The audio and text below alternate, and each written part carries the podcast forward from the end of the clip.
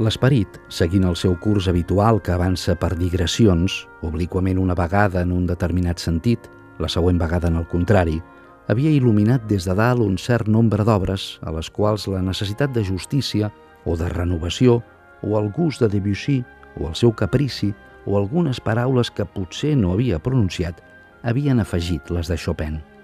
Preconitzades pels jutges en qui es té tota confiança, beneficiant-se de l'admiració que excitava Peleas, havien retrobat una nova brillantor i fins i tot els que no les havien tornat a sentir estaven tan desitjosos d'estimar-les que ho feien malgrat ells, tot i que amb la il·lusió de la llibertat.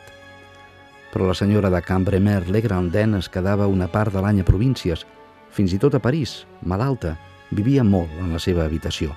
Certament, l'inconvenient es podia fer notar sobretot en l'elecció de les expressions que la senyora de Cambremer es pensava que estaven de moda i que haurien convingut més aviat al llenguatge escrit, matís que ella no discernia perquè li venien més de la lectura que de la conversa. Aquesta no és tan necessària per al coneixement exacte de les opinions com de les noves expressions.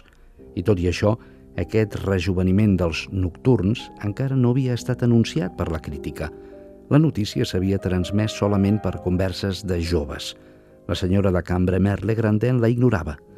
Em vaig donar el gust de fer-li saber, però adreçant-me per això a la seva sogra, de la mateixa manera que, jugant a billar per arribar a una bola juguem per la banda, que Chopin, ben lluny d'estar passat de moda, era el músic preferit de Debussy. Vaja, que divertit, em va dir somrient la jove, com si fos tan sols una paradoxa exhibada per l'autor de Peleas. Tot i això, era ben segur que ara escoltaria Chopin amb respecte i fins i tot amb plaer.